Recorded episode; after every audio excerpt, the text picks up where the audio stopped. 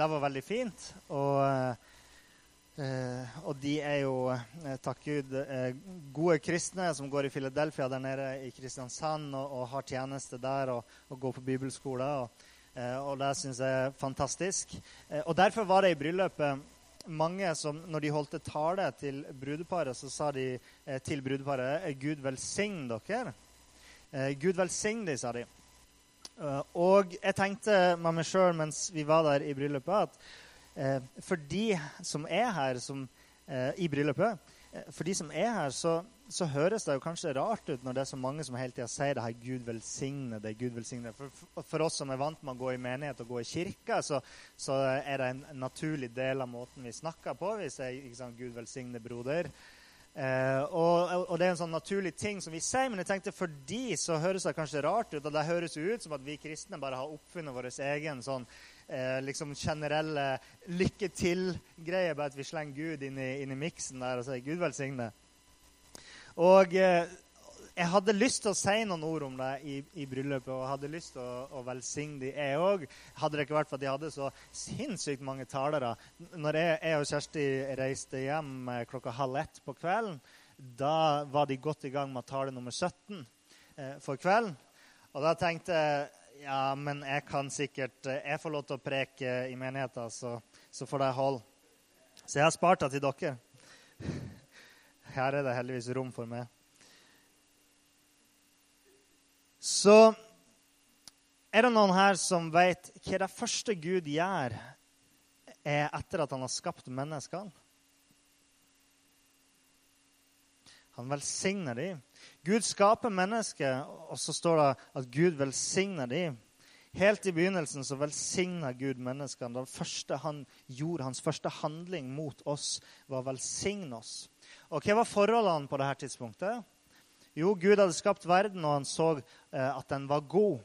Så alt som var i den, alt som var i verden, alt som var skapt, var godt. Menneskene var gode.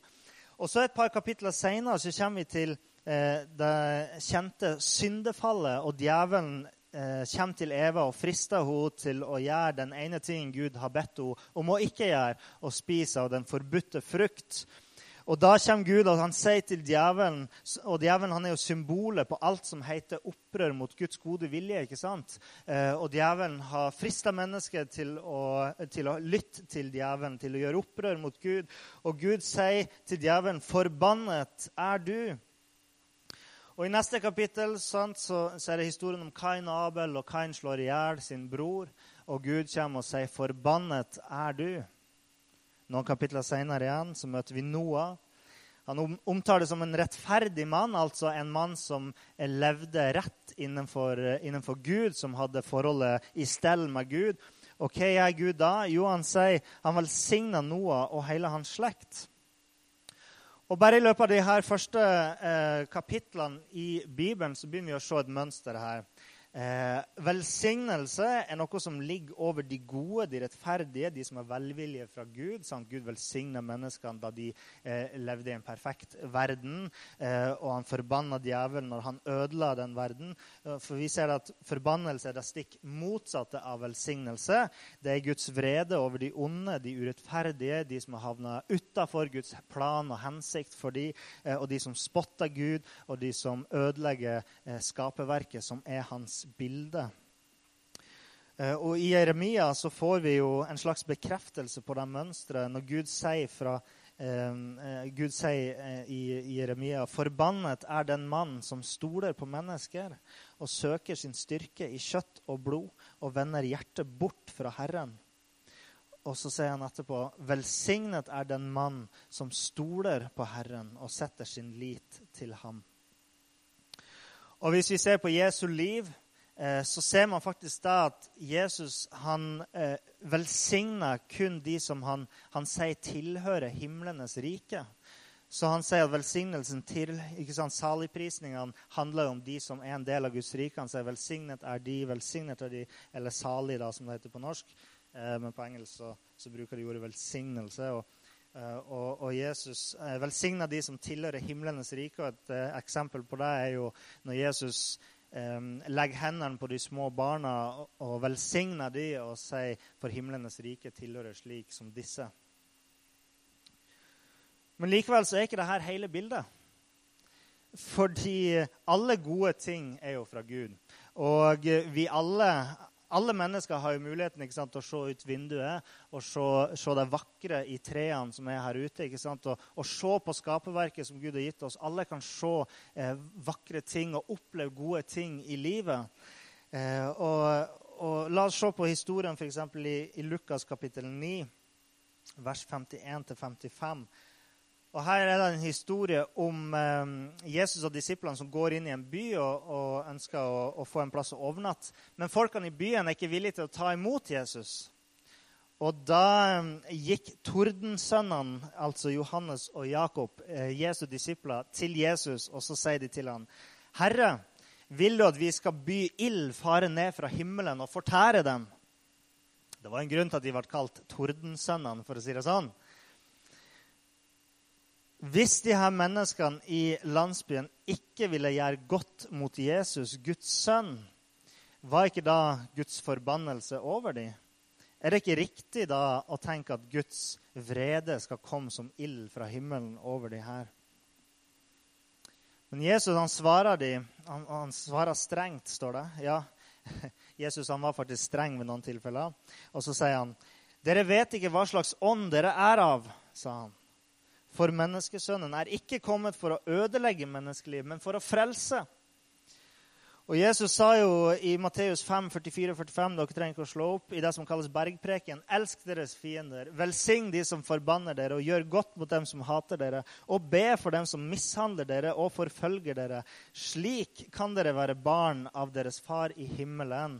For han, altså Gud, lar sin sol gå opp uh, uh, over de onde og gode, og lar regnet uh, falle over rettferdige og urettferdige.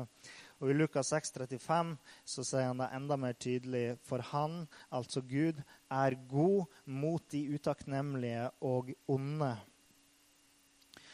Så de her tingene kan jo se ut som de står i kontrast til det mønsteret jeg pekte på i begynnelsen av Bibelen, der Gud velsigner de gode og forbanner de onde. Eh, og eh, tingen er jo det at verden har en forbannelse over seg. Våre synd har skapt en avgrunn mellom oss og Gud. Og forbannelsen er den at vi ikke lenger kan ha fellesskap med Han. Uh, og, og, den eneste måten vi kan få fellesskap med Han, er at denne forbannelsen på en eller annen måte blir løfta bort fra oss.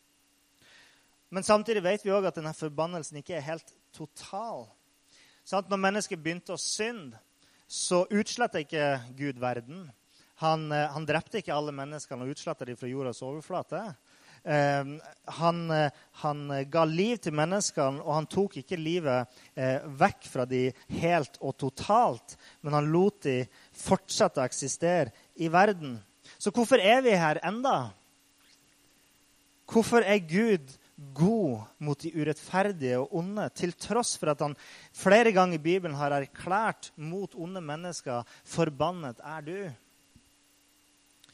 Og det er fordi Gud han elsker oss. sant? Han elsker oss på samme måte som en far som elsker sitt barn. Og selv om barnet er ulydig og gjør skikkelig dumme ting, så elsker jo faren barnet sitt allikevel. Og Guds kjærlighet den er sånn, den er tålmodig. Den er så tålmodig at han viste oss nåde ved at han eh, i Jesus Kristus kom ned til verden, eh, døde på korset og tok straffen for våre synder. Straffen den var døden, sånn at vi ikke lenger skal vandre i et liv som går imot døden, som er prega av forbannelse og synd men sånn at vi skal bli tilgitt, at vi skal bli vaska rein, eh, bli født på ny inn i et nytt liv som er full av bare Guds velsignelse. Amen. Så hva er denne velsignelsen? Når Gud eh, valgte ut Abraham for å bli stamfar for sitt utvalgte folk, eh, Israel, eh, så sa Gud til Abraham så sa han til Abraham at i deg skal alle slekter på jorden velsignes. Hva er denne velsignelsen? Og Paulus han skriver i Galaterbrevet 3, vers 13 og 14. Og han viser tilbake til Abrahams velsignelse. Da skriver Paulus Kristus kjøpte oss fri fra lovens forbannelse da han kom under forbannelse for vår skyld.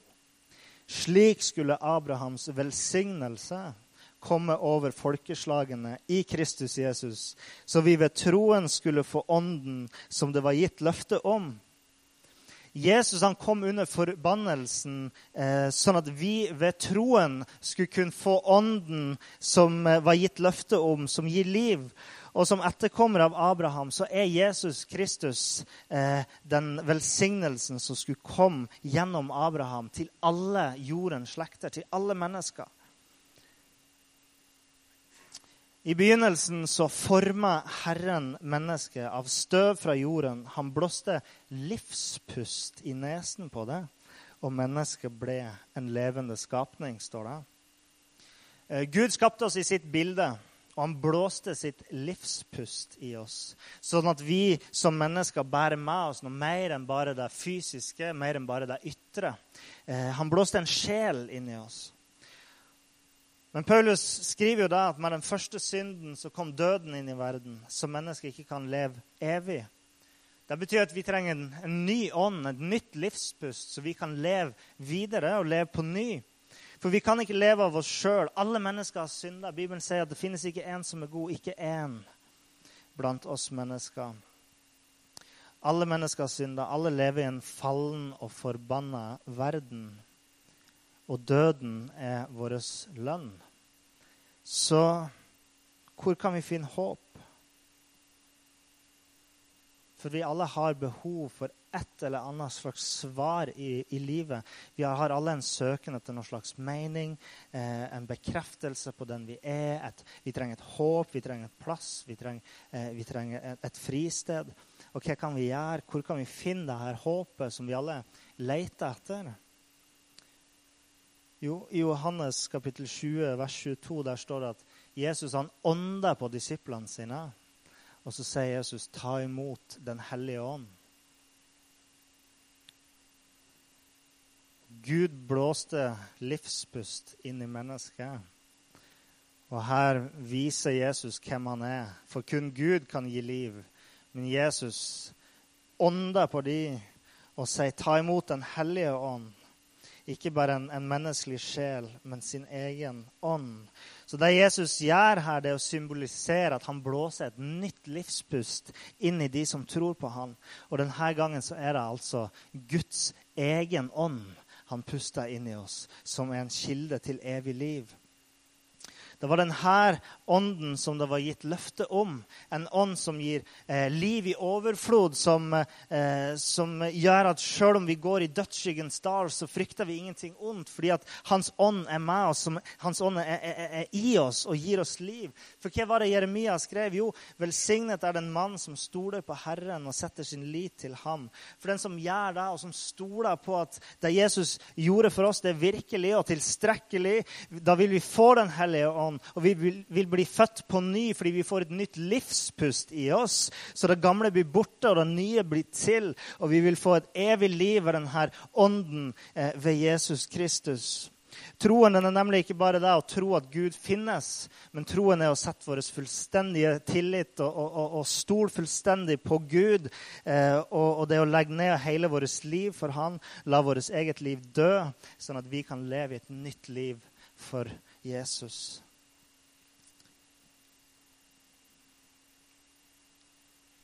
Mange mennesker de lever som om, om de hopper ut av et fly. Og eh, de stoler ikke på fallskjerm de har på ryggen, så de prøver å redde seg med å flakse med, med hendene. Men uansett hvor mye du flakser, uansett hvor mye du har trent og trimma for det hoppet, så kan du ikke redde med å flakse med hendene. Man er nødt til å stole på den fallskjermen. Man er nødt til å dra i snora som utløser fallskjermen som kan redde. Og den fallskjermen, den heter Jesus, og kun han kan redde oss. Vi er helt hjelpeløse, helt i overgitt til han. Så vi er nødt til å stole på han. Så dette er Guds velsignelse. At han gir oss liv, og at han gir oss liv på ny. Og at han gir oss liv i overflod, et liv som er evig.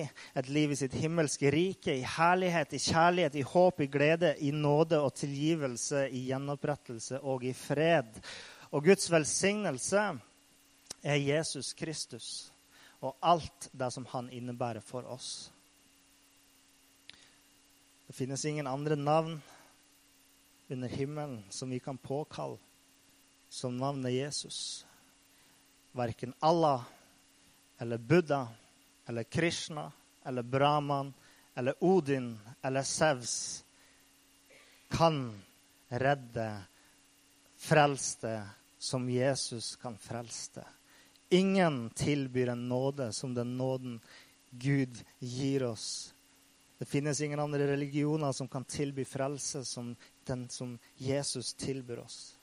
Tenk at han gir oss denne muligheten, en, en gratis gave, en ren gave, helt ufortjent av nåde alene. Wow.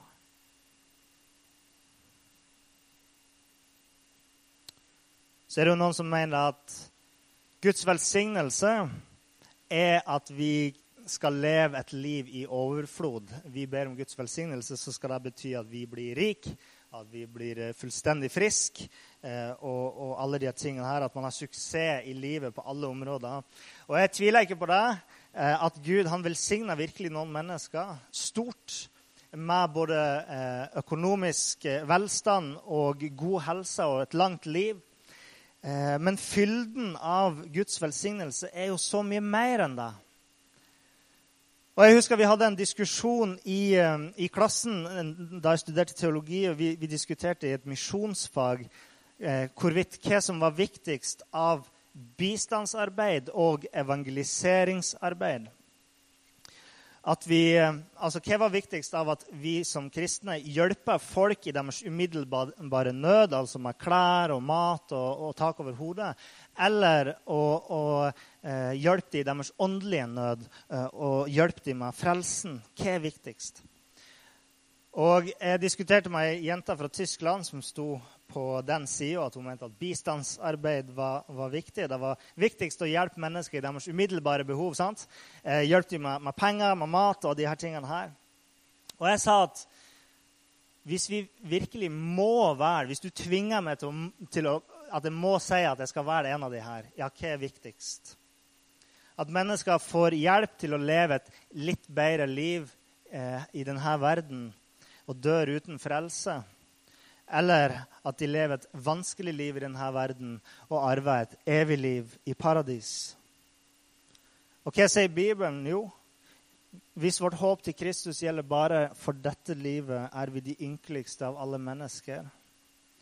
Og hva gagner det et menneske om det vinner hele verden, men taper sin sjel? Og Det er tydelig for meg at det er en av de her som er viktigere enn den andre. En av de er uendelig mye viktigere enn den andre. Men selvsagt kan vi, vi, vi, skal ikke skille, vi kan ikke skille mellom de her to. Begge to hører hjemme. De går hånd i hånd. Eh, og Det hjelper mennesker med deres åndelige behov og hjelper dem med deres fysiske behov går hånd i hånd. Og, og hvor ser vi dem mer tydelig enn i livet til Jesus Kristus? Eh, men og, Det er flere ganger jeg har snakka med folk som ja, egentlig ikke er helt kristen, i hvert fall som jeg kan huske men kanskje har en eller annen form for forhold til kirka. i hvert fall. Kanskje de er medlem, ikke sant? de er døpt, konfirmert, alle de tingene her. Og så, jeg, jeg, bruker ofte å innlede hvis jeg skal prøve å komme inn og snakke om tro. og sånt, så innleder jeg meg, ikke sant? For jeg er pastor, og har du noe forhold til kirka? Og da er man jo inne på de her spørsmålene. ikke sant? Så, så sier folk om kirka ikke sant? ja, jeg synes at kirka de, de gjør mye bra for folk. De gjør mye fine ting, hjelper folk. Og det er det som er viktigst for meg. Eh, altså bistandsarbeid. Og hvorfor sier de at det er det viktigste? Jo, for de vet ikke hva Guds ånd er. De vet ikke hva Ånden gjør i vårt liv. De, de, har ikke sett det som er det beste med Kirken. For det beste med Kirken er jo noe som man ikke ser med våre egne øyne. Det er jo det som er, skjer inni oss, den ånden som lever i oss, som fyller oss med kjærlighet og håp, som, som tvinger oss til å gjøre de gode tingene, som driver oss framover. Vi har ikke fått verdens ånd, men den ånd som er fra Gud, for at vi skal forstå hva Gud i sin nåde har gitt oss, skriver Paulus. Som kristne er vi jo kalt til å gjøre gode gjerninger. Men de her gjerningene de kommer jo av den kraft som Den hellige ånd gir oss på innsida av oss, og ved at vi eh, ved denne Guds hjelp utrustes og settes i stand til de her gode gjerningene. Det gode, kirken, det gode som Kirken gjør, eh, er jo et symptom på, eller bør i hvert fall være et symptom på at Guds velsignelse er over vårt liv. Sant? Så Guds velsignelse tenker jeg er noe mye, mye større og dypere enn bare de behovene vi har her i denne verden. Så dere får ikke en hel sånn utredning av hva Guds velsignelse er for ting eh, her i kveld. Det har vi ikke tid til, dessverre.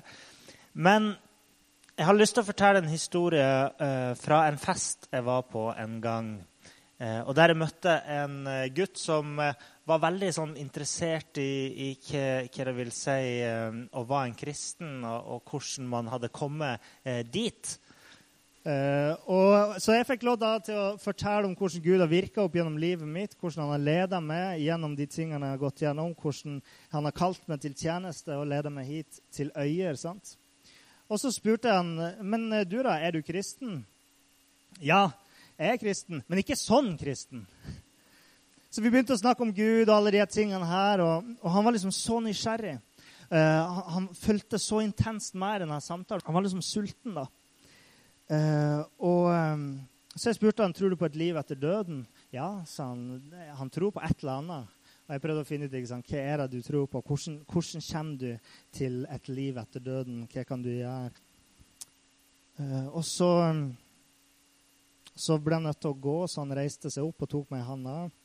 Eh, og jeg holdt han i handa, og så, og så sa jeg kan jeg bare si det én ting til. og han var helt med. ikke sant? Ja, ja, ja, si det. Eh, og jeg sa at, eh, For vi hadde snakket om moral. ikke sant? Hva er det som gjør at en ting er god? Og, og, og, jeg sa jeg tror at Gud er standarden for det som er godt og ondt her i verden. Uten Gud så finnes det ingen måte for oss å vite hva som er rett eller gærent. Vi har ingen, ingen basis for det som er, er riktig. Og, og, Gud han har skrevet sin lov inn i våre hjerter, sånn at vi òg vet at noen ting er bare ond, og noen ting de er bare gode. Og han har åpenbart denne loven for oss i Bibelen. Jeg spurte du har hørt om de ti bud. sant? Ja, det hadde. Så jeg sa se for deg at du er i en rettssak. ikke sant? Jeg bruker dette bildet. Se for deg at du er i en rettssak. Eh, dommeren han er Gud, og, og, du er beskyldt for å ha brutt hans lov. Eh, hvis du står beskyldt for å ha brutt de ti bud, er du skyldig? Ja, sier han. Eh, så jeg sier, så loven den er brutt. Du blir dømt skyldig. Hva gjør du? Han tenkte seg litt om og sa jeg må vel bare legge meg flat. da. Og sa men, men hva hjelper deg det? Du må jo ta straffen uansett håpløs. Hva skal man gjøre? Dommen er der. Straffen kommer. Og jeg sa, men det, da kommer det noen inn som betaler boten din, som tar straffen for det, sånn at du kan gå fri. Og så spurte han vet du hvem det er, og han sa nei. Så sa jeg det er Jesus. Han døde på korset for mine synder, dine synder, for våre lovbrudd, for våre feil. Han tok straffen for oss, sånn at vi ikke skal få den straffen som vi har fortjent. Gud han er som en konge, sa jeg, som har gitt noen lover, og alle underståttene må følge de lovene. Og loven må skje fyllest. Rettferdigheten må skje fyllest. Men i stedet for at vi tar straffen, så går kongen sjøl ned og tar den straffen på seg og tar piskeslagene på ryggen, ryggen og blir hengt på korset og tar dødens eh, straff. Så sa jeg bare vær så snill å tenke på de her tingene. Eh, og han sa ja tusen takk for, for, at jeg sa de tingene. Og, og eh, ja, han var åpenbart så eh, tørst etter eh, svar, eh, så tørst etter sannheten, så tørst etter Gud. Jeg bruker å tenke at alle mennesker de har et høl i hjertet som har eh, formen av Gud. Og får du Gud inn i det hølet, så blir vi hel. Så, så samtalen var over. og så Gud han lot bare denne muligheten dette rett i fanget på meg. Han sendte en til meg som var fullstendig åpen for å høre de her tingene. Eh, som var så åpen at eh, han ikke kunne bli forstyrra av noe annet når han først fikk høre de her tingene. For meg så var det en velsignelse fra Gud å få denne muligheten til å dele sannheten om Gud med han. Og jeg fikk lov til å være med og plante et frø. Eh, og, og for meg så er det en velsignelse i seg sjøl.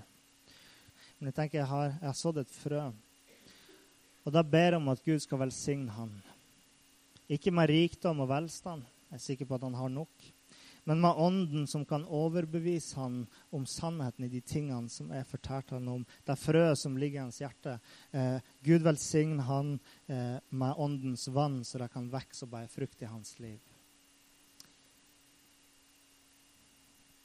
Når jeg sier 'Gud velsigne det', og det jeg tror at vi skal mene når vi sier 'Gud velsigne det', må Gud velsigne det med sin hellige ånd. Må Gud velsigne det med åndens frukt. Må Gud velsigne det med sin kjærlighet. Må Gud velsigne det med tålmodighet. Må Gud velsigne det med tro. Må Gud velsigne det med håp. Må Gud velsigne det med nåde. Må Gud velsigne det med utholdenhet. Må Gud velsigne med visdom. Må Gud velsigne med sannhet. Må Gud velsigne meg sitt nærvær. Må Gud velsigne meg sin hellighet. Må Gud velsigne meg sin renhet. Må Gud velsigne meg sin tilgivelse. Må Gud velsigne meg sin overgivelse. Må Gud velsigne meg sine nådegaver. Må Gud velsigne dine relasjoner. Må Gud velsigne jobben din. Må Gud velsigne helsa di. Må Gud velsigne det med et liv som er verdt å leve. Og må Gud velsigne det med alle de tingene som Gud ser er godt for deg i ditt liv.